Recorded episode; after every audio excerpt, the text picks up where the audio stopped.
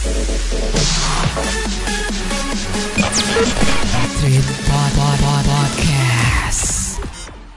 Indonesia Music and Information Assalamualaikum warahmatullahi wabarakatuh. Balik lagi di Ngosan Ngobrol santai bareng uh, gue Awan.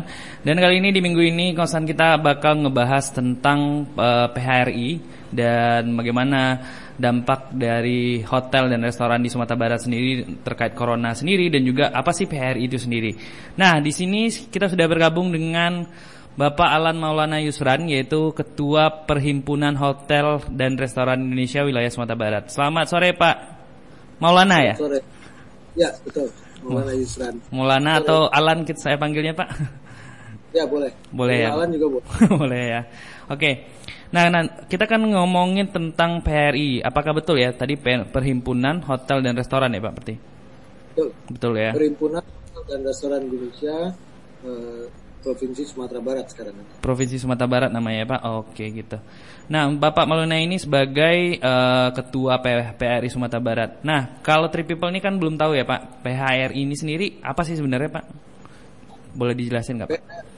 PHRI itu adalah eh, satu perhimpunan atau asosiasi yang memadahi hotel, restoran dan lembaga pendidikan di eh, sektor pariwisata. Kalau hotel ini sebenarnya lebih kepada eh, sektor akomodasi ya. Kalau zaman dulu katanya akomodasi itu lebih kepada hotel. Mm-mm. Kalau sekarang jenis akomodasi itu kan banyak. Ya ya ada betul. villa, ya kan, ada apartemen hotel, ada kondotel dan sebagainya. Nah, kita PR itu bergerak di sektor pariwisata sudah pasti. Mm-mm. Eh, eh, member kita tadi sudah saya sampaikan bahwa dari jasa akomodasi pertama, kemudian dari jasa restoran atau makan minuman, yang kedua, yang ketiga adalah lembaga pendidikan. Kalau klasternya sendiri Pak, apakah hotel ini hanya hotel berbintang atau hotel melati juga?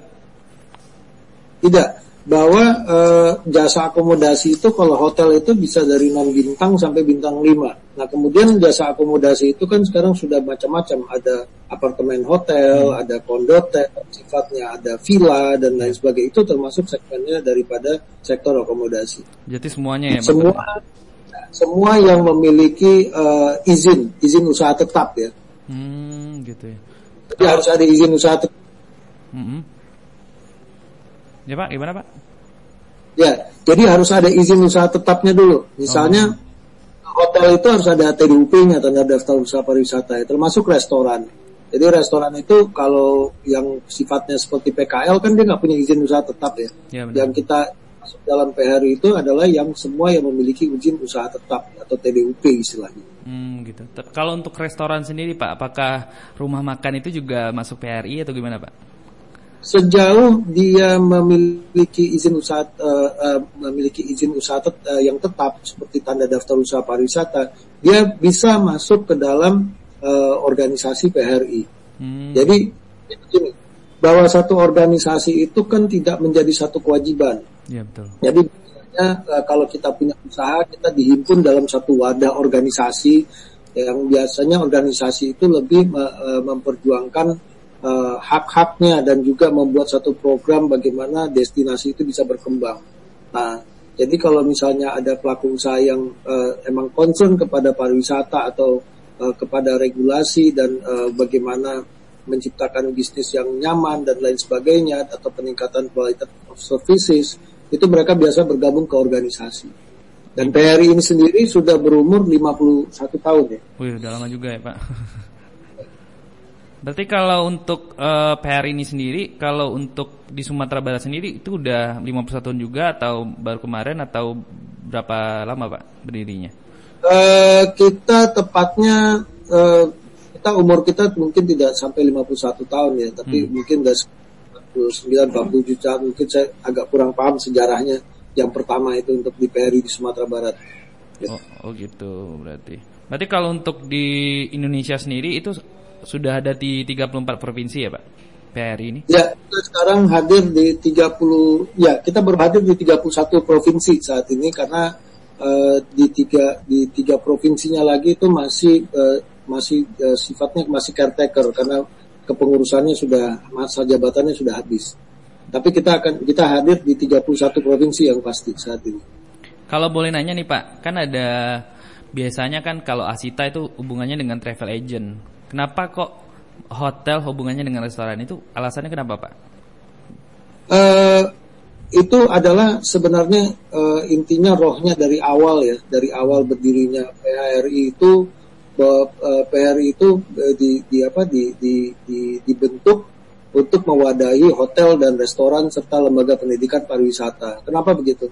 Di dalam skupnya hotel itu juga di dalamnya ada restoran dan hotel dengan restoran itu saling uh, apa ya, hubungannya saling erat ya. Kita sektoralnya. Jadi masalah uh, hotel itu juga masalah makan minumannya juga ada restoran juga masalah makan minumannya. Kemudian kenapa lembaga pendidikan pariwisata? Karena dalam serapannya hotel itu cukup menyerap tenaga kerja yang cukup banyak termasuk juga di restoran uh, ya kan? Nah jadi kita sangat berhubungan erat dengan uh, sektor SDM-nya itu lembaga pendidikan pariwisata. Seperti sekolah-sekolah pariwisata ya kan atau uh, eh, SMK kemudian universitas yang punya memiliki juga segmen sektor apa uh, uh, bidang pariwisatanya dan lain sebagainya seperti itu kurang lebih. Hmm, oke oke berarti PR ini ada udah lama banget udah 51 tahun dan konsen. Kalau untuk konsennya sendiri Pak, tugas dari PR ini sendiri apa sih Pak? Kalau untuk ini apakah sebagai organisasi yang di berbadan hukum atau komunitas atau bagaimana Pak? Ya, kita PR itu uh, memiliki badan hukum. Uh, uh, kalau badan hukum itu merupakan badan hukum perkumpulan ya. Hmm. Jadi dia dia sah terdaftar di uh, Kementerian uh, uh, Hukum dan Ham uh, bahwa dia statusnya adalah memiliki badan hukum. Nah, kemudian uh, PR ini kalau ditanya pergerakannya ya sebenarnya kalau kita bicara sektor pariwisata itu kan cukup luas Eh, banyak hal ya. Kalau hotel dan restoran itu adalah salah satu hanya sebagian hanya bagi uh, merupakan bagian dari suatu kebutuhan destinasi atau kebutuhan daripada uh, pelaku pariwisata, baik itu uh, orang yang pergi berlibur atau orang yang pergi berbisnis. Jadi kita kan sektornya di hotel dan restoran. Nah, namun dalam perjalanannya organisasi itu juga pasti akan berbicara dengan stakeholder lainnya Stakeholder lainnya itu seperti apa? Misalnya dari airlines itu juga memiliki asosiasi seperti Inaka, kemudian juga dari travel agent mereka juga punya dengan asitanya, kemudian juga kita berhubungan dengan guide yang juga ada himpunan prawisata Indonesia yaitu HPI. Nah itu hubungan erat kami pasti ada di dalam satu komunitas yang uh, cukup kuat di dalam itu gitu uh, sebagai yang sebagai ekosistem pariwisata. Kalau untuk uh, ini Pak, kalau apakah konsen PR ini juga ke regulasi hotel? Maksudnya itu adalah mungkin bisa membantu untuk izin ini segala macam. Apakah ada harus ada rekomendasi dari PRI untuk mendapatkan sesuatu izin dari hotel atau restoran sendiri Pak? Jadi kalau di organisasi itu apa saja sih kira-kira yang dikerjakan oleh organisasi itu paling utama adalah masalah regulasi. Jadi ada hak-haknya dari uh, kepentingan berusaha itu yang justru kita bermediasi antara uh, pelaku usaha dan uh, pemerintah. Jadi di sini kita lihat uh, kita menjadi uh, apa namanya penyeimbang jika uh, aturan itu kira-kira tidak tepat uh, uh, kebijakannya dengan sektor usaha. Itu kan kita harus memberi kita lah sebagai uh, apa namanya sebagai uh, uh, jembatan untuk berbicara masalah ini, termasuk kebijakan-kebijakan mengenai promosi dan target pasar. Tentu uh, apa namanya yang namanya pasar itu lebih uh, lebih jelas lah orang yang uh, pelakunya yang mengetahui segmen pasar itu dibandingkan pemerintah itu sendiri. Jadi kita berkolaborasi selalu harus duduk bersama dengan uh, pemerintah untuk uh, bicara masalah uh, baik itu promosi, baik itu kebijakan dan sebagainya.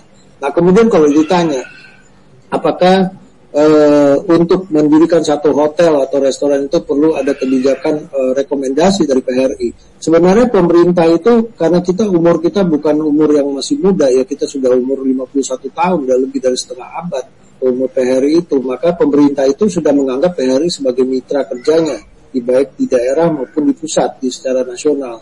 Nah, dengan adanya kebijakan-kebijakan di nasional, eh, di nasional kemudian diturunkan oleh daerah, dan pola kerjasama yang selalu kita uh, kerjakan banyak daerah yang uh, uh, apa namanya yang membuat bahwa PRI itu uh, menjadi mitra kerjanya mereka sehingga untuk sebagai kontrol dan sebagai uh, database untuk memperkuat database daripada uh, apa namanya daripada sekelompok unit usaha yang seperti di PRI itu hotel dan restoran mereka uh, umumnya melakukan itu. Jadi meminta rekomendasi dulu dari PRI sebelum mereka menerbitkan suatu perizinan. Ya saya contohkan aja seperti di Kota Padang ya. Hmm. Di daerah lain juga banyak yang melakukan itu seperti di Jawa Barat, di Bandung dan lain sebagainya. Kenapa begitu?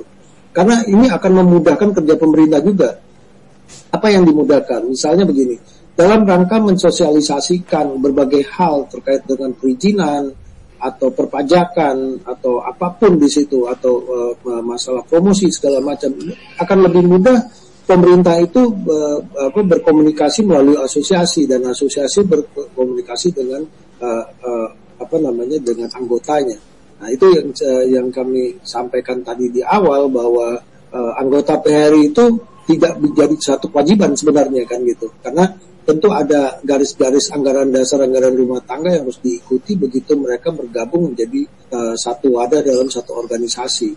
Nah, namun pemerintah akhirnya juga memberikan uh, memberikan uh, ruang kepada organisasi karena memang ini uh, uh, uh, mungkin karena kita juga dilihat uh, kontribusinya seperti apa baik di nasional maupun maupun di daerah akhirnya mereka membentuk kira-kira seperti uh, ada paksaan harus masuk ke dalam uh, organisasi. Hmm. Tapi kan tujuannya sebenarnya baik ya.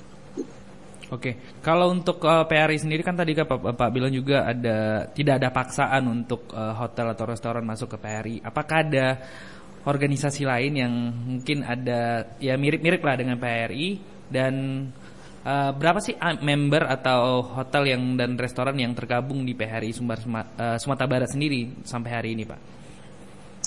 Jadi kalau kita tanya apakah ada organisasi lain selain hotel uh, eh, PHRI sebagai wadah daripada hotel dan restoran, itu mungkin biasa-biasa aja ada. Kan di kita ini tidak boleh membatasi harus hanya satu organisasi, ya kan.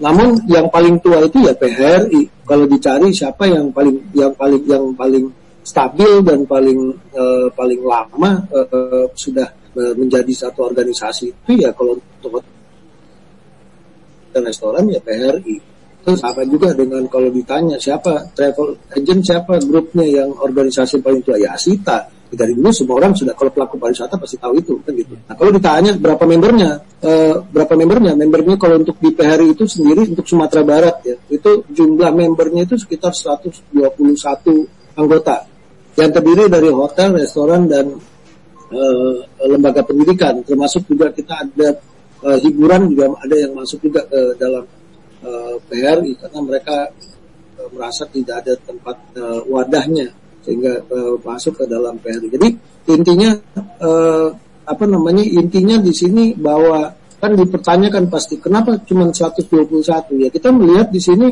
kemampuan daerah masing-masing juga di Sumatera Barat kan berbeda bahwa tidak semua uh, daerah itu memiliki satu uh, apa namanya memiliki uh, uh, sarana akomodasi yang appropriate lah istilahnya gitu loh. Jadi kalau ditanya lagi ya, berapa ada cabang? Tentu kita punya cabang tapi kita di Sumatera Barat kita cuma punya satu cabang. Hmm. jadi Bukit Tinggi Bukit Tinggi dan sekitarnya. Kenapa cuma punya satu cabang? Karena kita tidak dalam rangka membentuk semua kabupaten kota itu ada cabang. Tergantung apakah pemerintah daerahnya sudah siap dengan itu.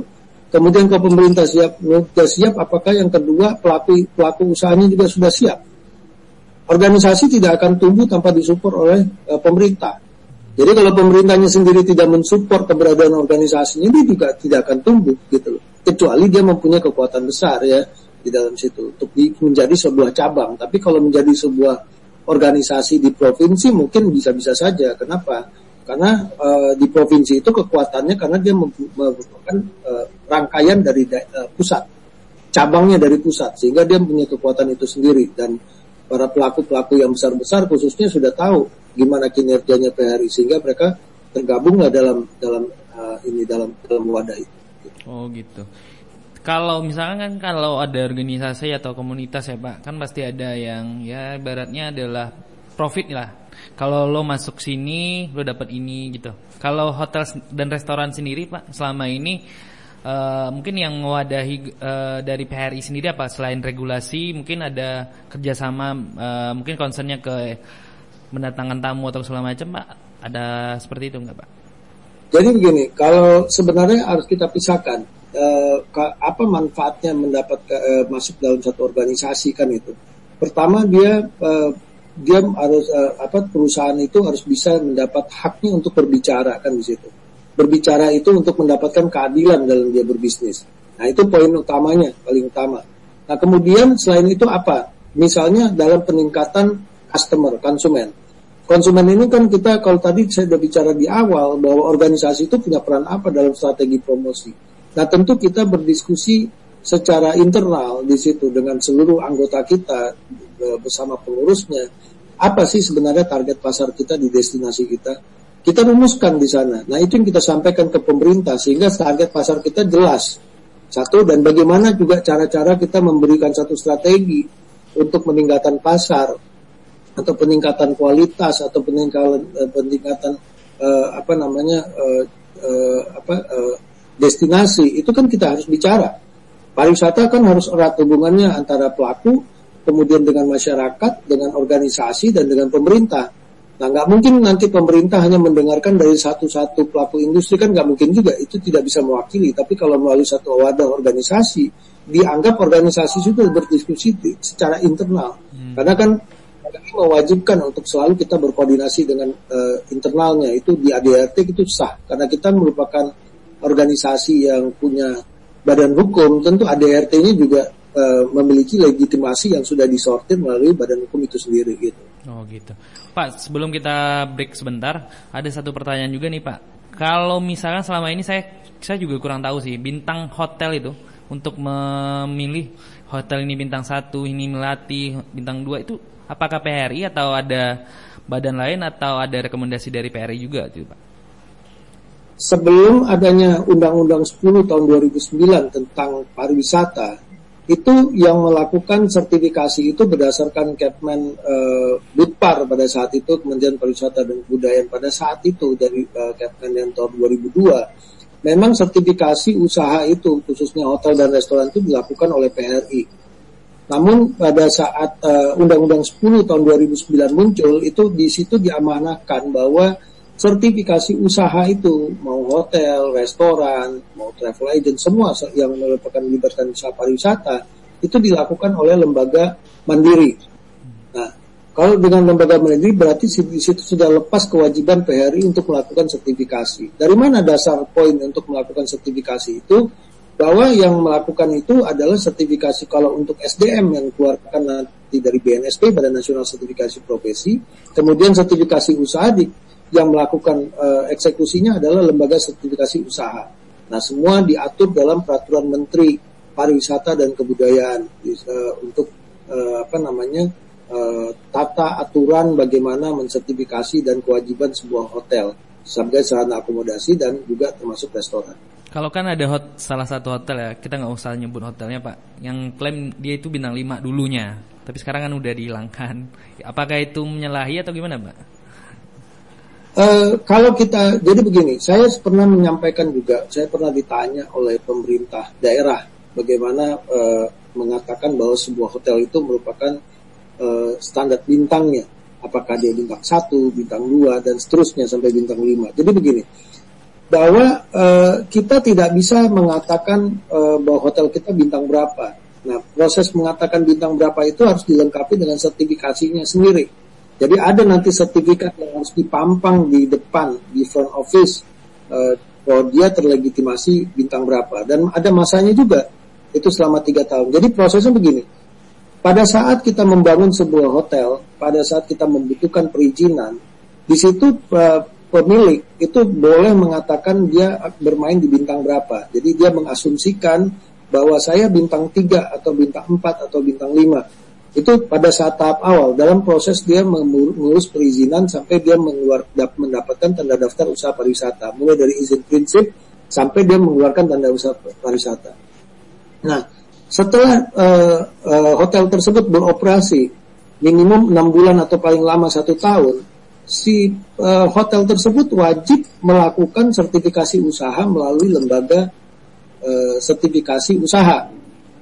Ya kan, tadinya awalnya dia belum punya sertifikasi, tapi terregister di pemerintah itu dia sebagai bintang sekian, misalnya bintang 4 atau bintang 5 tadi disebut.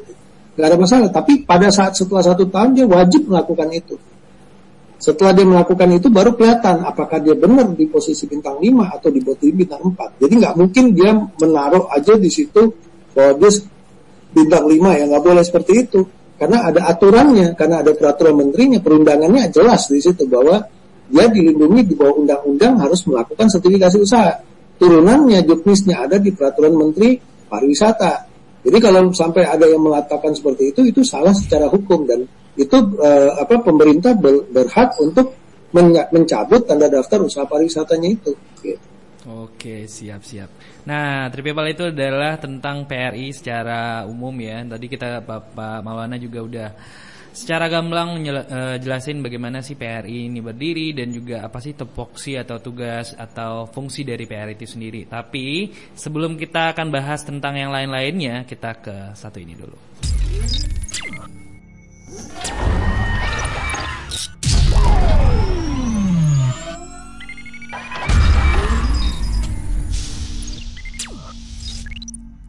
Oke, masih di ngosang ngobrol santai dan kali ini masih bareng Pak Alan Maulana Yusran yaitu Ketua PHRI Sumatera Barat dan masih bersama kita di sini tentunya.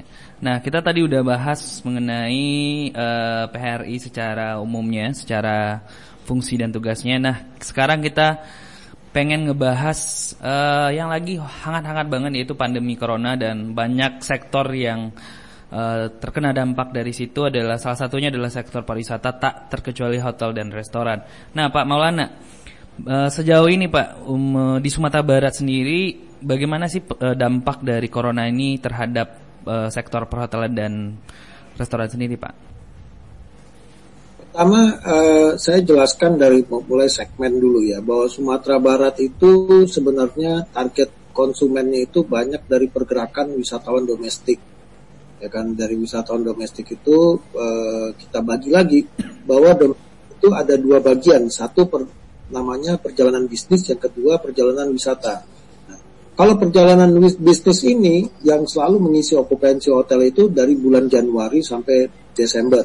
Biasa peaknya startnya dari bulan Maret ya kan? Januari Februari Maret itu ya Januari Februari Maret itu sampai Maret pertengahan itu biasanya masih dikategorikan low season uh, dari Maret pertengahan sampai Desember itu menjadi high seasonnya. Karena uh, program pemerintah karena saya ke bisnis trip itu didominasi semua yang dibiayai oleh APBN dan APBD berarti kan kegiatan pemerintah. Baik meeting ya kan baik itu perjalanan dinas segala macam. Kemudian kalau dari sisi uh, wisata uh, leisure itu yang yang paling besar itu ada tiga Tiga itu momentumnya adalah pertama Lebaran, yang kedua adalah libur sekolah, yang ketiga adalah Natal dan Tahun Baru itu dijadiin satu. Nah, kenapa begitu? Karena memang Sumatera Barat itu memiliki destinasi yang uh, apa ya, ya alamnya yang cukup uh, bagus ya. Kemudian belum lagi kuliner dan tradisi uh, apa namanya uh, uh, budayanya. Nah, di sini kita bisa lihat uh, captive market kita itu dari uh, banyak dari berbagai provinsi tetangga, termasuk dari Jakarta. sekarang kalau kita masuk lagi nanti ke dalam COVID, itu tadi saya bicara kalau yang provinsi tetangga itu mayoritas adalah untuk leisure ya, untuk wisata. Nah sementara kalau kita bicara domestik untuk bisnis, kalau bisnis itu karena tadi saya sampaikan bahwa didominasi oleh kalau berdasarkan uh, struktur uh, pendapatan atau revenue kita di hotel di okupansi itu bahwa yang umumnya kan dari pergerakan uh, uh, bisnis dari uh, pemerintah. Nah kalau pemerintah itu kita baru uh, mengandalkan Jakarta sebagai ibu kota negara karena APBN itulah yang menggerakkan semuanya kan gitu. Di seluruh Indonesia juga semuanya ya posisinya seperti itu. Bahwa Wisnus itu yang bergerak paling besar itu adalah kegiatan pemerintah. Nah, sekarang kalau Jakartanya sendiri sudah kena pemerintah pusatnya sudah kena otomatis ke daerah pasti kena imbasnya. Contoh Sumatera Barat begitu Sumatera DKI Jakarta dinyatakan bahwa kena pandemi corona Eh, menjadi sentralnya dan angkanya cukup lumayan besar, di situ dikeluarkan satu kebijakan bahwa eh, kegiatan-kegiatan pemerintah pusat itu diupayakan untuk tidak bergerak ke daerah lagi. Ya kan, tidak bergerak ke daerah dan diupayakan untuk semaksimal mungkin tidak melakukan perjalanan. Begitu keluar surat-surat seperti ini, tentu cancellation terjadi, termasuk Sumatera Barat. Itulah awal mulanya terjadinya jatuhnya uh, okupansi dan banyaknya cancellation yang ada di Sumatera Barat. Itu dialamin juga termasuk dari dunia penerbangan udah pastinya. Kita melihat startnya dari gerbang itu dari bandara internasional kemudian masuk ke hotel. Kemudian ditambah lagi dengan adanya ditemukan virus corona di Sumatera Barat dan pemerintah daerah itu sendiri juga melakukan pembatasan-pembatasan inilah yang menjadikan uh, okupansi hotel itu menjadi single digit. Single digit itu di bawah 10% dan berdampak kepada banyaknya hotel yang tutup. Kenapa hotelnya tutup? Karena kita operasi, uh, tetap beroperasi pun itu pendapatan kita tidak bisa menutupi dari biaya operasional. Ya kan? Nah, tutup pun bukan berarti kita menghindar dari biaya operasional. Tetap aja biaya operasional harus ada seperti listrik, gas, belum lagi nanti kita membiayai BPJS kesehatannya daripada karyawan yang kita kita rumahkan kan gitu. Nah, inilah yang jadi masalah uh, uh, mulai uh, mulai mulai uh, terjun bebasnya okupansi dan terpuruknya dunia pariwisata di situ dari sektor hotel dan restoran. Nah, sayangnya sayangnya pemerintah daerah sendiri tidak berpikir di sini bahwa berpikirnya itu cuma baru dari sisi kesehatan, tapi dampak sosial ekonomi tidak dipikirkan. Mereka mungkin masih berpikir bahwa pengusaha itu memiliki kemampuan kemampuan untuk bertahan yang cukup lama. Tapi mereka tidak paham bahwa bicara pandemik itu tidak sama dengan bicara bencana seperti gempa, bencana alam, ya kan, seperti tsunami, kejadian tsunami. Market kita tidak tertutup pada saat itu. Kalau sekarang kita benar-benar ditutup, ditutup dan ditutup oleh uh, dengan sendirinya oleh pusat karena uh, di pusat itu lagi ada masalah uh, di ibu kota negaranya. Kemudian kita sendiri juga menutupi itu. Nah ini yang jadi masalah kan gitu. Nah kemudian di sini yang dipikirkan oleh pemerintah itu tidak dilihat dari dampak sosial. Pengusaha itu bisa bertahan kalau misalnya bisa bertahan kalau misalnya ini bukan menjadi bencana nasional. Kita sudah melihat kemarin ada Kepres 4 tahun 2020 yang juga mengatakan bahwa ini menjadi bencana nasional. Nah, para pengusaha ini bagaimana dia mau bertahan dalam satu bulan itu biayanya kan cukup tinggi Pertama adalah masalah ketenaga kerjaan. Tenaga kerjaan kalau dilihat komponen utama adalah masalah gaji karyawan. Kemudian yang kedua, karyawan itu memiliki benefit. Benefit itu adalah di, yang merupakan uh, apa, BPJS kesehatan dan ketenaga kerjaan. Perusahaan wajib membayarkan ini kan gitu. Nah itu dua komponen tuh untuk masalah tenaga kerja. Kemudian ditambah utilitas. Utilitas itu ada PLN. PLN ini kita walaupun kita memakainya sedikit, kita kena biaya seperti abodemen, ada minimum jam hidup. Ya kan? Minimum jam hidup itu membuat kita walaupun kita kamar kita cuma 5 kamar pada saat itu, kita bayarnya seolah-olah seperti 20 kamar. Ini yang terjadi gitu loh. Jadi tidak ada suatu relaksasi apa pun daripada PLN untuk memberikan keringanan kepada sektor kami. Karena menurut padahal yang kita minta cuma hilangkan abodemennya. Sehingga kita bayar apa yang kita pakai kan gitu. Termasuk gas juga seperti itu. Itu yang kita harapkan. Kemudian kalau di pemerintah pusat kita juga berharap tolong e, masalah BPJS ini e, selama ini perusahaan berkontribusi untuk me, me, apa, me, menghidupkan namanya BPJS kepada karyawannya dan untuk mensubsidi e, masyarakat yang lain. Dengan kondisi seperti ini kan seperti ayam telur. Seharusnya ayamnya diselamatkan, jangan kalau enggak nanti telurnya dia nggak ada telurnya lagi nanti setelah recovery kan gitu ya. Itu yang paling utama yang harus kita lihat. Nah, jadi seharusnya pada saat seperti ini pemerintah mem memberikan uh, relaksasi, membebaskan iurannya dulu sehingga perusahaan itu yang tadi saya bilang bahwa dia walaupun tutup atau dia buka, dia harus bayar biaya utilitas. Mana yang dipokokin? Apakah utilitas dulu atau karyawan dulu? Pasti berpikirnya utilitasnya dulu. Karena kalau utilitasnya sampai mati PLN, begitu kita recovery, ngidupin itu puluhan juta itu. Mahal tergantung beberapa besar dayanya di sana. Dan PLN tidak telat bayar itu kena denda. Nah, akhirnya yang dikalahkan karyawan. Karyawan ini tidak lagi menerima gaji full. Jadi harusnya dia kerja 26 hari dalam satu dalam satu bulan, mungkin sekarang udah tinggal 10 hari. Jadi dibagi shift mereka dan karyawan daily worker sudah nggak ada. Nah kemudian ada juga yang sudah menutup dan dia kena unpaid leave. Jadi dirumahkan tanpa dibayar. Tapi dengan ekspektasi kita masih bisa membiayai BPJS-nya. Nah terbayang nggak ini e, bagaimana beratnya beban daripada si pengusaha. Jadi kalau pemerintah masih berpikir, ah, saya mendengar seolah-olah kita itu masih ada rumahnya karyawan jadi masih tanggung jawab karyawan eh pengusaha lah. Seolah pengusaha ini semuanya kuat padahal mereka paham bahwa di Sumatera Barat itu kita itu memiliki 75%, 80% itu sektornya UMKM. Berapa kekuatan UMKM itu? Dan itu bicara pandemik itu bukan bicara satu bulan, kita bicara empat bulan. Empat bulan itu yang bicara pemerintah nasional loh. Diingat, itu dalam koridor optimis. Bagaimana yang hasil kita dengan di daerah? Itu pertanyaan. Dengan kelemahan yang banyak. Bahwa daerah mungkin e, lebih baik orang tidak traveling ke Sumatera Barat. Kenapa begitu? Kalau traveling ke Sumatera Barat, begitu pandemiknya besar, saya bukan nakut-nakutin, begitu besar, fasilitasnya tidak sama dengan di DKI Jakarta. Ini yang terjadi. Bagaimana?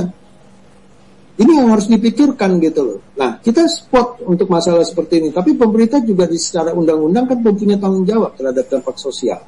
Bahwa begitu dia melockdown atau melakukan isolasi atau karantina wilayah, mereka harus bertanggung jawab terhadap masyarakatnya nggak bisa dibiarkan. Kalau dibiarkan nanti ah, dampaknya apa?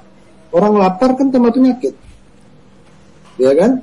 Nah ini yang harus dipikirkan juga oleh pemerintah daerah dalam mengambil satu kebijakan. Saya sudah selalu mengingatkan kepada pemerintah provinsi, pemerintah kabupaten kota, itu tolong dipikirkan juga. Jadi jangan hanya berpikir masalah pandemiknya saja, kita harus berpikir secara luas. Kalau mereka ada yang hak yang mereka yang harus menuntut secara pusat, mereka harus tuntut. Tapi tidak bisa ada pembiaran mereka cuma berpikir satu sisi, itu nggak bisa. Khususnya terhadap kebijakan yang dibawa yang harusnya mereka bisa ambil kebijakan. Contohnya, bahwa pemerintah daerah itu secara Undang-Undang 28 tahun 2009, mereka memiliki kewenangan. Kewenangan untuk menarik pajak dan retribusi daerah. Ya kan? Nah ini harus dipikirin. Kenapa mereka selama ini membanggakan sektor pariwisata, menikmati betapa kenaikannya setiap tahun menjadikan satu target PAD itu dari hotel dan restoran. Begitu hotel restorannya terpuruk, mereka tidak memberikan satu kebijakan apa pun. Apa kebijakan yang kami harapkan? Yang mereka berikan pajak hotel dan restoran. Saya bilang, kalau pajak hotel restoran itu sama juga dengan enggak. Kenapa? Pajak hotel restoran itu kita wajib pungut. Kalau tamunya nggak ada, kita juga nggak pungut gitu. Betul. Jadi buat apa kasih itu gitu loh. Sekarang kenapa nggak dikasih misalnya PBB? PBB itu kan cukup besar dan itu berpengaruh kepada seluruh masyarakat. Bebaskanlah PBB ini. Diutangin lah istilahnya, nanti bayar tahun depan lah, nanti setelah pandemik yang selesai mereka boleh cicil. Kan itu mendapatkan relaksasi namanya. Pajak penerangan jalan selama ini semua masyarakat membayar, tapi dalam kondisi ini tolong didiskon lah. Pajak reklama kita boleh cicil lah pajak air tanah, atau PDAM ini seperti apa, semua yang menjadi domain pemerintah daerah. Jadi pemerintah daerah jangan cengeng juga, semuanya itu bergantung kepada pemerintah pusat, nggak bisa seperti itu dong. Jadi semua kayak kartu prakerja, itu urusan nasional, nggak perlu diurusin sama pemerintah daerah. Pemerintah daerah itu cuma membantu mengkoordinasikan. Tapi yang menjadi pendapatan daerah yang yang masuk kantong kantongnya dari pemerintah daerah yang selama ini dijadikan uh, apa uh, belanja pegawai yang yang cukup besar 75%, masa nggak bisa dikat untuk masyarakatnya sendiri? Mereka kan berkelakuan untuk mewakili kita sebagai pemerintah. Mau wakil rakyatnya, mau pemerintahnya, harus bicara itu. Kan itu ya? ya betul, betul. Jadi jangan bicara SPJ-nya, jangan bicara uh, ininya, pas segala macam. Kan sudah ada juga keluar dari menteri kesepakatan antara dua menteri, menteri dalam negeri dan menteri keuangan. Bahwa mereka harus mereview itu. Kita belum lihat di Sumatera Barat melakukan itu. Selalu mereview semua programnya, anggaran mereka seperti apa, dan fokus kepada masalah pandemik bukan hanya masalah kesehatan, tapi terhadap dampak sosial itu clear loh. Itu yang tidak tersebar mungkin ke masyarakat. Nah, pemerintah harus sadar itu. Jadi semua mewakil rakyat yang dulu membela bagaimana mereka dipilih oleh suara rakyat segala macam. Sekarang rakyatnya lagi susah. Tidak bisa dibebankan semua ke pengusaha. Kekuatan pengusaha nggak ada. Kalau pemerintah chaos negara ini sampai nggak punya duit, baru nggak dibayar dia. Nanti akhirnya setelah pandemik, semua orang berpikir berbeda. Ya. Lebih bagus saya jadi pegawai negeri dibandingin jadi pengusaha lagi kan gitu. Ya, jadi betul. selama ini yang menciptakan lapangan kerja untuk didorong semua orang menjadi uh, entrepreneur itu nggak mau lagi karena kalau sampai terjadi seperti ini yang selamat itu cuma pegawai negeri dan wakil rakyat. Ya, mereka betul. masih terima uang sementara rakyatnya dibiarkan seperti itu. Kan nggak boleh konsep. Cara berpikirnya harus dipikirkan ke situ gitu. Ya betul, betul. ya benar ya, ya benar, benar. kita tidak cukup tidak cukup hanya diberi bantuan APD tapi juga harus berpikir bagaimana juga memberi bantuan orang yang nggak makan. Karena ini kalau kita bicara ini baru se hampir sebulan loh bagaimana nanti sudah masuk bulan kedua? Asal saya April ini. Karena orang kalau nggak dikasih makan dua hari aja pusing Iya. Saya kasih contoh DKI Jakarta. Bagaimana DKI Jakarta penerapan PSBB itu tidak juga bisa selesai dengan baik. Kenapa? Karena banyak orang yang berkeliaran itu untuk makan apa bekerja hari ini makan hari ini. Apakah ini pernah dipikirkan oleh pemerintah daerah? Jadi saya mengajak di sini, jadi pemerintah daerah, on. Buka pikirannya, buka kebijakannya. Jangan, jangan lagi berpikir memilah-milah. Sudah saatnya sekarang ini tidak ada. Masih untung mereka masih terima THR. Pekerja kami sakit hati mendengarnya walaupun masih yang di eselon berapa terima THR. Kenapa mesti terima THR? Kan itu pertanyaannya. Mas sebanyak sebanyak 80 persen, mungkin 70 persen masyarakat dari pemerintah itu sendiri tidak menerima THR dan tidak terima gaji. Ini kan memunculkan kesenjangan sosial. Iya. Oke lah katakan itu merupakan eh, kebijakan nasional, tapi tolong berpikir ke situ. Masih bersyukur sebagai pegawai negeri mereka sebagai ASN atau sebagai ini masih menerima duit. Kami masih berharap dari kartu prakerja. Kartu prakerja itu tahu nggak seperti apa? Programnya nilainya lebih dari satu juta rupiah, tapi yang diterima cash itu hanya cuma 600 ribu, sisanya suruh pelatihan. Masa orang lapar disuruh pelatihan? Pelatihan apa lagi yang harus dikerjakan? Tapi itu kan urusan nasional yang kita selalu Iya, protes ya. Gimana coba? Nggak kebayang saya masih ada kepentingan-kepentingan di belakang itu yang juga tidak berpikir kepada pro terhadap rakyat. Ini juga harus dipikirkan. Jadi nggak bisa kita cuma berbicara safety net. Safety net itu masyarakat miskin. Justru yang tadinya bekerja sekarang menjadi masyarakat miskin karena mereka kehilangan pekerjaan harus diangkat perusahaannya tutup. Nah itu harus dipikirin oleh pemerintah. Jadi jangan pemerintah sekali-sekali berpikir, oh ini ada pengusahanya. Pengusahanya nggak akan kuat kalau dia cuma bencana alam seperti uh, tsunami seperti ini. Mungkin mereka kuat karena mereka pasti punya side bisnis yang lain. Tapi di mana pun mereka punya dua tiga bisnis yang lebih, itu semua tutup dan kolab. Jadi nggak mungkin pemerintah menyerahkan itu kepada pengusaha. Jadi seolah-olah pengusaha itu menjadi sektor yang paling kuat. Mungkin itu bahasanya. Kalau untuk ini Pak, kalau untuk eh, komunikasi dengan pemerintah sendiri kita nggak usah ke pusat dulu, ke, ke daerahnya aja, aja dulu gitu. Ke gubernur apakah atau ke wali kotanya juga sih. Eh, ada nggak komunikasi yang udah dibangun PRI untuk eh, hal ini dan saya baca berita kemarin kan ada beberapa hotel, mungkin puluhan hotel yang sudah tutup karena tidak mungkin okupansi yang terus menurun sampai hari ini dan juga karyawannya juga diliburkan. Itu bagaimana Pak? Jadi begini, kami secara eh, dari organisasi dari PHRI secara nasional itu sudah menyurati seluruh gubernur se-Indonesia. Dan itu sudah kita sampaikan khusus Sumatera Barat melalui B- eh, BPD PHRI Sumatera Barat dan kita sampaikan ke gubernur dan kita sisihkan semua ke, ke- eh, bupati atau wali kota se Sumatera Barat yang ada. Kita sampaikan apa yang kita inginkan. Kita sampaikan kita juga mengingatkan. Gitu. Nah, kita dari PHRI Sumatera Barat pun sudah mengirimkan surat. Kita memohon bantuan. Tolong yang selama ini kami dijadikan target dan kita membuat mencetak suksesi untuk eh, PAD di Sumatera Barat. Dijadikan satu program dan berhasil. Kita selalu kolaborasi. Dikala kita sakit ke mana pemerintah? Kita berharap itu kan itu. Intinya ada di situ. Namun bahasa ini kelihatannya tidak tidak direspon dengan baik gitu loh. Saya apresiasi kemarin dari eh, dari Pemko Bukit Tinggi, mereka sempat eh, video conference dengan kami dengan PHRI Sumatera Barat. Kita sampaikan keluh kesahnya. Nah, saya kami sekarang menunggu keputusannya, tapi sudah kelihatan pada saat kita bertemu dengan wakil wali kota Pemko Bukit Tinggi kita apresiasi bahwa beliau sudah memikirkan itu. Apa yang tadi kita sampaikan kita permintaan itu mereka akan eh, pertimbangkan dan mereka merasa yakin itu bisa diputuskan. Nah sekarang kita tinggal mendengar surat keputusan, jadi jangan sampai nanti itu menjadi PHP juga, kita kan nggak lucu juga gitu. Namun secara eh, provinsi itu banyak hal ya. Contohnya saya kasih eh, saya sampaikan dulu. Saya pernah komplain, pernah ada berita waktu itu pemerintah provinsi mengirim surat ke Kementerian Perhubungan untuk mem- apa, menutup eh, sektor penerbangan ke Sumatera Barat. Saya sampaikan di situ, saya langsung sampaikan ke pemerintah ke Pak saya bilang, kita nggak perlu ditutup lah Pak, nggak usah dikasih surat nanti tutup sendiri. Hotel nggak usah disuratin tutup sendiri Pak, orang marketnya nggak ada kok. Orang pembatasan itu kan kita harus lihat dari mana segmen market kita gitu loh. Ya kan, waktu itu Pak Wagub juga katanya hoax itu pernah menyampaikan bahwa Erasia menyurati. Itu juga nggak sesuatu nggak perlu. Pada saat recovery kita mau recovery apa nanti? Kita bergantung dari sektor real. Kita bergantung dari pariwisata. Hati-hati mengambil kebijakan saya sampaikan.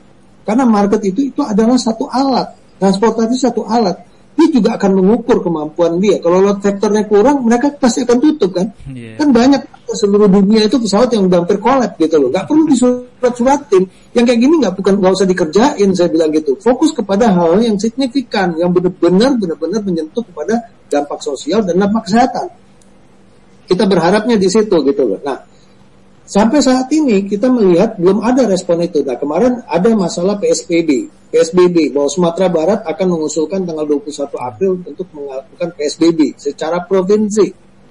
Di situ disampaikan oleh Pak Gubernur bahwa mengatakan bahwa PSBB ini nanti hotel juga akan tutup. Nah kita bertanya, kenapa hotelnya harus ditutup? Saya bilang gitu. Iya, iya. Ini harus hati-hati. Apakah dengan menyampaikan penutupan berbagai macam sektor di situ pemerintah sudah menjalankan kewajibannya? Secara undang-undang jelas loh bahwa pemerintah mengkarantina wilayah juga harus berpikir dampak sosial. Apakah dia siap untuk menyampaikan ke masyarakatnya di sana? Bagaimana mereka membantu sembako mereka semua seluruhnya udah diperhitungin belum? Betul. Ya, satu. Yang kedua, hotel. Kalau kita bicara hotel, selama akses penerbangan kan nggak boleh seorang gubernur atau seorang wali kota kepala daerah itu menutup bandara. Hmm. Itu kewenangan pusat, bukan kewenangan provinsi. Lah, pesawatnya masih jalan.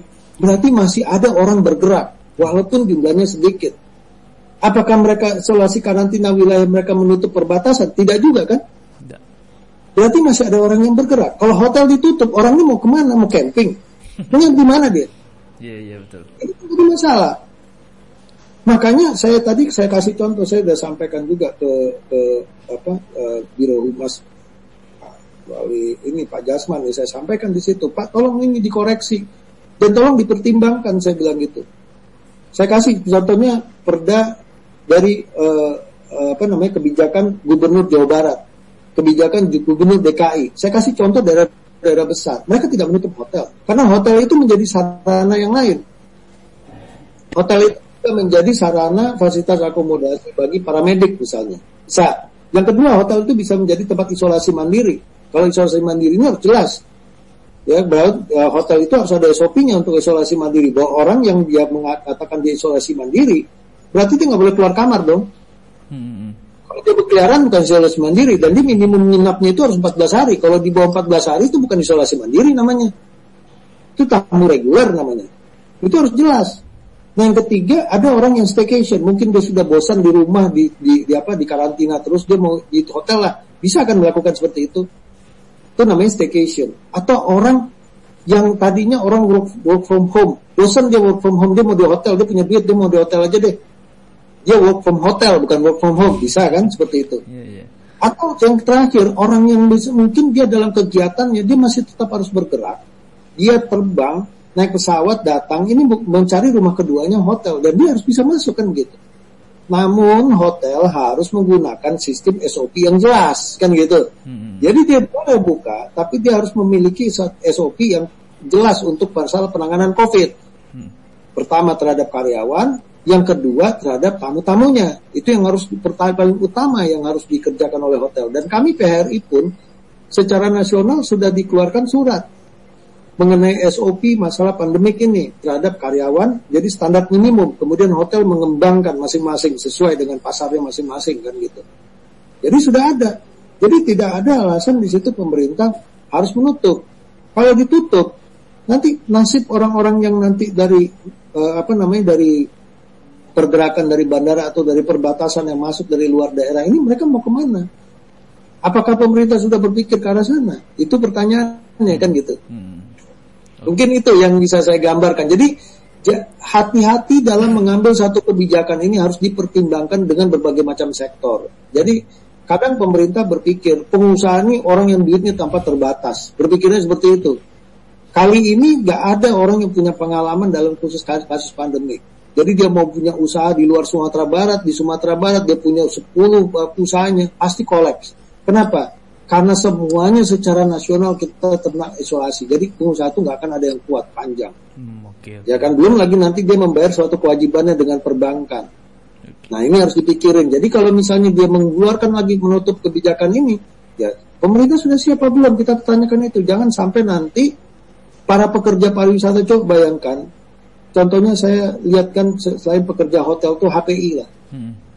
yang guide ini. Mereka bekerja tiap hari itu untuk mencari makan tiap hari. Ya, betul. Bagaimana nasib mereka sekarang? Masih bisa diisi nggak perutnya? Apakah mereka punya tabungan untuk itu? Pernah nggak kepikiran oleh pemerintah terhadap ini? Tapi nggak bisa dibedakan juga pekerja pariwisata yang selain yang hotel dan restoran juga. Ke mana mereka mau makan sekarang? Coba bayangin. Apakah pernah terpikir tingkat kemiskinan ini bertambah karena masalah ini?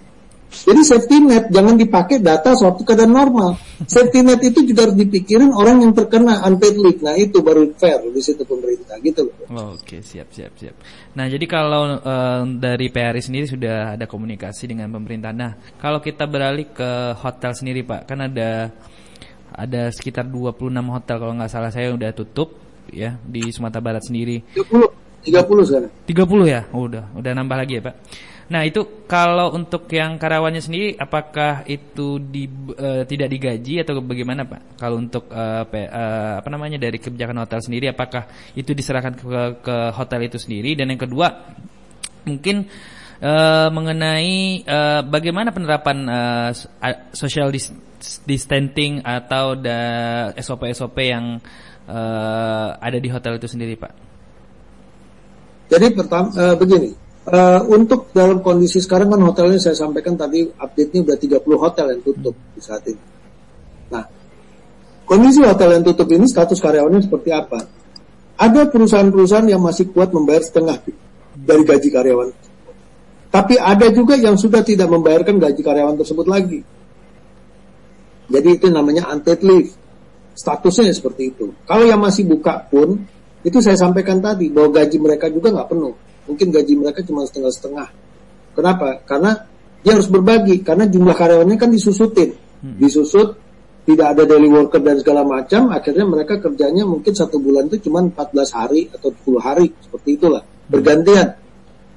Itu statusnya sekarang. Nah, kalau eh, kita bicara masalah social distancing segala macam untuk SOP di hotel, jadi hotel itu begini sekarang. Kita eh, mayoritas tidak menggunakan lagi namanya restoran. Jadi breakfast itu kita berikan langsung ke kamar.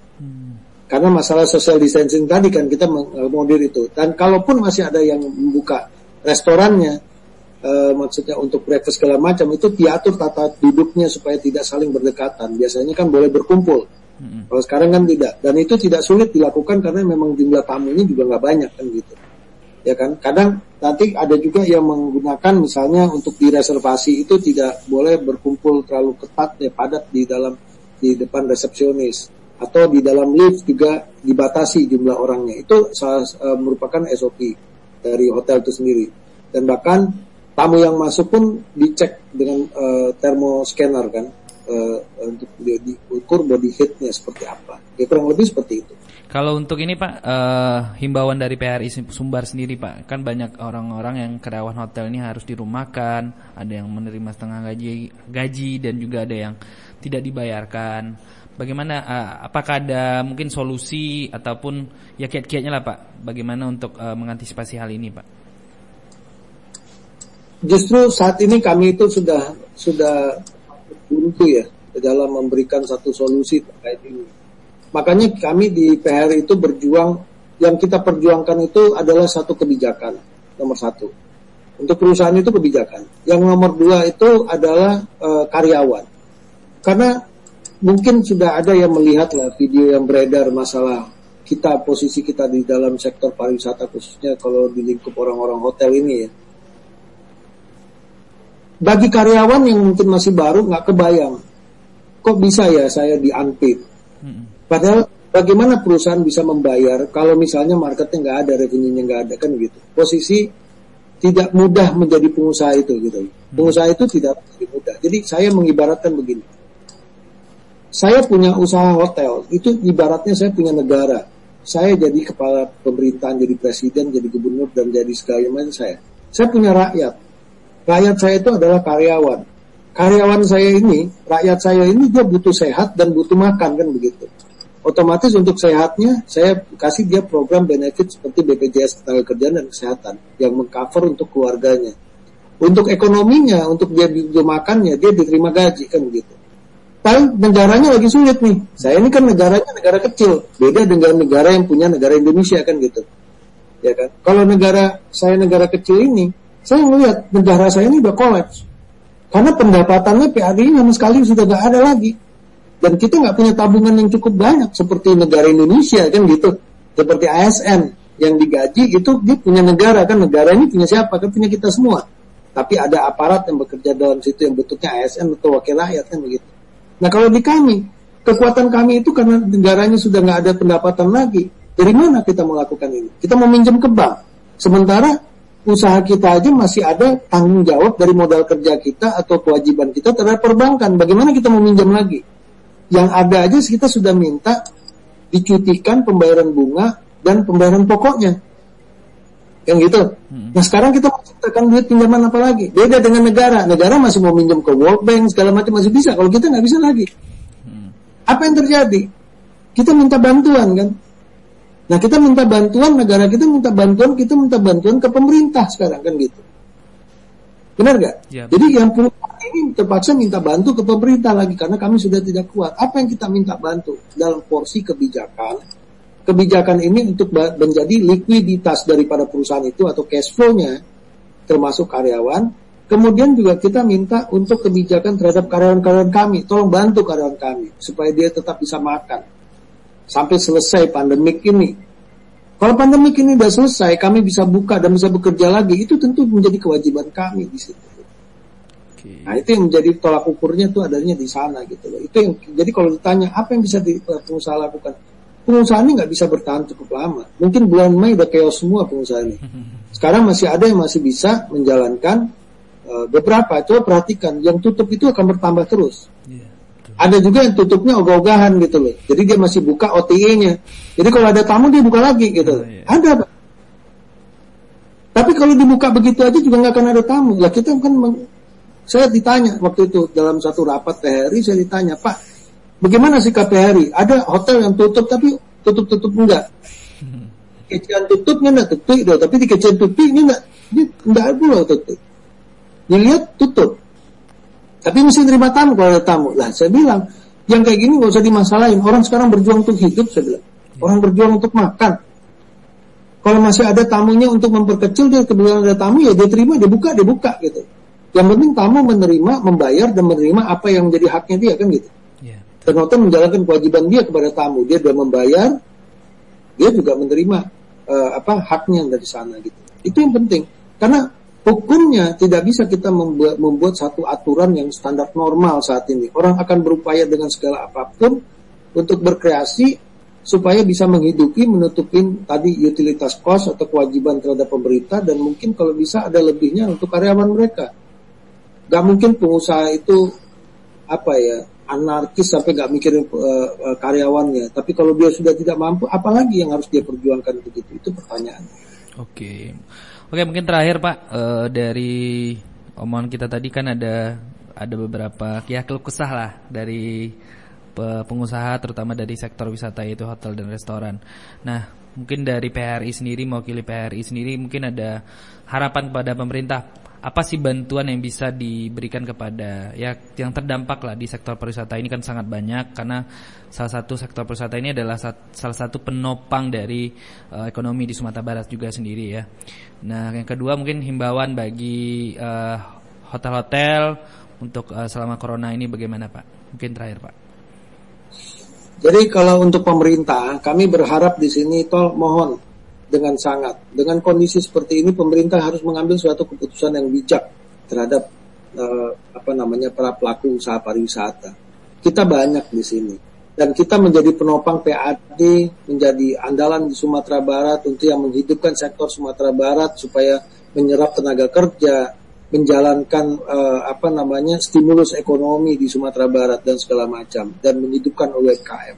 Nah harusnya pemerintah juga mengambil sesuatu yang bijak dan tolong dipikirkan apa yang menjadi kewenangan di pemerintah daerah itu yang yang dijadikan stimulus bagi pelaku supaya pelaku ini mempunyai likuiditas dan cash flow yang saya sampaikan yang sudah kita sampaikan melalui surat melalui statement ya seperti PBB pajak reklama dan apalagi yang itu yang menjadi kewenangan di daerah. Jadi jangan nanti diadu dengan kewenangan pusat. Yang kewenangan daerah kita mau lihat apa yang mereka berikan. Dan ingat, bahwa pekerja pariwisata yang sudah tidak dibayarkan lagi atau tidak bisa hidup lagi dari pendapatan mereka itu sudah masuk ke sektor masyarakat miskin. Jadi jangan berpikir safety net itu adalah data yang digunakan pada saat kondisi normal. Kondisi baru ini harus diupdate datanya. Jadi pemerintah tanggung jawab untuk itu dalam melakukan kebijakan apa pun. Jadi sekali lagi kami mohon tolong perhatikan. Kasihan saya melihat karyawan yang sudah tidak bisa makan lagi tiap hari atau mereka sudah tidak punya uang kami di pengusaha pun tidak akan kuat karena ada kondisinya di sini adalah masalah force major yang sudah menjadi nasional. Mana ada bisnis apa pun nggak jalan di sini. Sektor makan minuman pun yang yang yang hidup itu cuma apa? Yang bahan pokok kebutuhan rumah tangga yang hidup. Yang lain juga tidak. Mungkin kita bayanginnya masih hidup. Enggak juga. Mati mereka. Gitu loh. Apalagi Sumatera Barat apa yang mau hidup sekarang saya pertanyakan gitu. Hmm. Ya.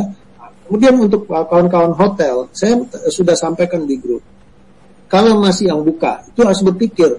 Kalau mereka bicara untuk uh, fasilitas uh, apa namanya, fasilitas uh, uh, paramedik atau gugus depan, mereka harus punya SOP yang clear ya di sana. Jadi harus jelas bahwa di sana mereka menerapkan sistem untuk para uh, dokter atau gugus depan sehingga eh, tamu-tamu kita itu bisa merasa nyaman dan tidak juga nanti uh, virus itu berkembang ke mana-mana. Ya, jadi sistemnya harus benar, harus jelas bagaimana SOP-nya nanti. Kemudian yang untuk isolasi, kalau mereka bergerak untuk mandiri, mereka harus clear juga bahwa orang itu untuk isolasi atau tidak gitu loh. Jadi harus di, dijelasin mana yang isolasi, mana yang tidak. Kalau isolasi, mereka itu memang benar harus 14 hari di kamar. Tidak boleh mereka keluar. Jadi kalau mereka sudah clear yang isolasi mandiri, bukan berarti orang ini keluar masuk hotel. Itu akan menyebarkan virus lagi kan gitu. Mereka harus di kamar selama 14 hari, nanti pola pembersihannya nanti diatur, kemudian makannya pun harus di kamar, nggak boleh di restoran. Tapi kalau orang lagi isolasi, makannya breakfastnya di restoran itu nggak benar. Nah pemerintah harus juga ngawasin di sini. Jadi jangan sampai mengganggu penyebaran penyakit ini makin menjadi besar hanya karena apa? Karena SOP tidak diterapin. Nah, kemudian jelas juga bahwa hotel itu tidak untuk isolasi mandiri atau apa, itu kan harus jelas. Nah, kalau dia hanya untuk e, tamu reguler, misalnya staycation, saya sampaikan tadi, orang yang bosan ya, di rumah, ah, saya mau di hotel deh, gitu loh. Mungkin karena nggak ada PRT-nya nggak ada atau apa segala macam dia mau di hotel supaya dia nyaman gitu loh, mau liburan di hotel. Oke oke saja nggak ada masalah. Tapi harus jelas. SOP-nya juga harus jelas. Jadi nggak bisa diaduk nih semua konsumen. Jadi kalau misalnya ada tamu dari luar, itu seperti apa gitu loh. Saya menghimbau, upayakan kita tidak memanfaatkan restoran dulu. Jadi harus diatur masalah social distancing itu harus di, di, diinikan. Jadi hati-hati, tidak boleh kita sembarangan membuat suatu bahasa marketing yang berdampak nanti ada faktor resiko terhadap tamu itu sendiri dan penyebaran penyakit itu sendiri. Itu himbauan saya kepada para pelaku. Jadi sehingga jangan kita bicara masalah uh, bahasa marketing untuk ini tapi membabi buta tanpa memikirkan akan ada perkembangan. Karena sudah kejadian di daerah lain yang akibatnya adalah karyawan restoran itu pun tumbang. Terkena virus tersebut gitu loh. Karena dari tamunya tadi penyebarannya itu yang saya maksud gitu. Jadi itu intinya ada di situ. Jadi jangan sembarangan SOP adalah menjadi suatu yang wajib. Kejelasan marketing atau uh, market itu juga menjadi suatu yang uh, konkret jadi harus diikuti. Nah, pengawasan ini yang harus kita sama-sama lakukan, baik masyarakat, pemerintah dan lain sebagainya. Ini. Oke, nah itu udah uh, adalah ya himbauan harapan dari PR sendiri ini buat uh, sektor pariwisata terutama dari pihak hotel dan restoran. Mudah-mudahan apa yang jadi keluh kesah dari PR sendiri didengar oleh pemerintah daerah uh, terutama pemerintah daerah karena memang banyak sekarang kita lihat orang kehilangan pekerjaan salah satunya yang terbanyak itu kalau untuk Sumatera Barat adalah di sektor pariwisata karena sektor pariwisata adalah penopang salah satu penopang yang mungkin uh, persentasenya lebih tinggi daripada yang lain untuk di sektor UMKM-nya juga sih. Nah, terima kasih kepada Pak Malwana karena udah uh, mau berbagi uh, mengenai PRI sendiri, mengenai berdampak corona dari uh, ke hotelnya, restoran sendiri. Terima kasih sudah menyempatkan waktunya. Mudah-mudahan uh, coronanya cepat cepat apa ya? Hilang lah, cepat hilang. Sektor pariwisata uh, kembali baik lagi ke depannya. Sekali lagi terima kasih kepada Pak Alan Maulana Yusran, Ketua PRI Sumatera Barat. Ya Pak. Oke terima kasih buat semuanya yang udah dengerin kita, yang udah konsenin di sore hari ini. Mungkin dari kita bakal uh, kembali lagi di ngosan minggu depan. Dan gue Awan pamit. Assalamualaikum warahmatullahi wabarakatuh and Good afternoon.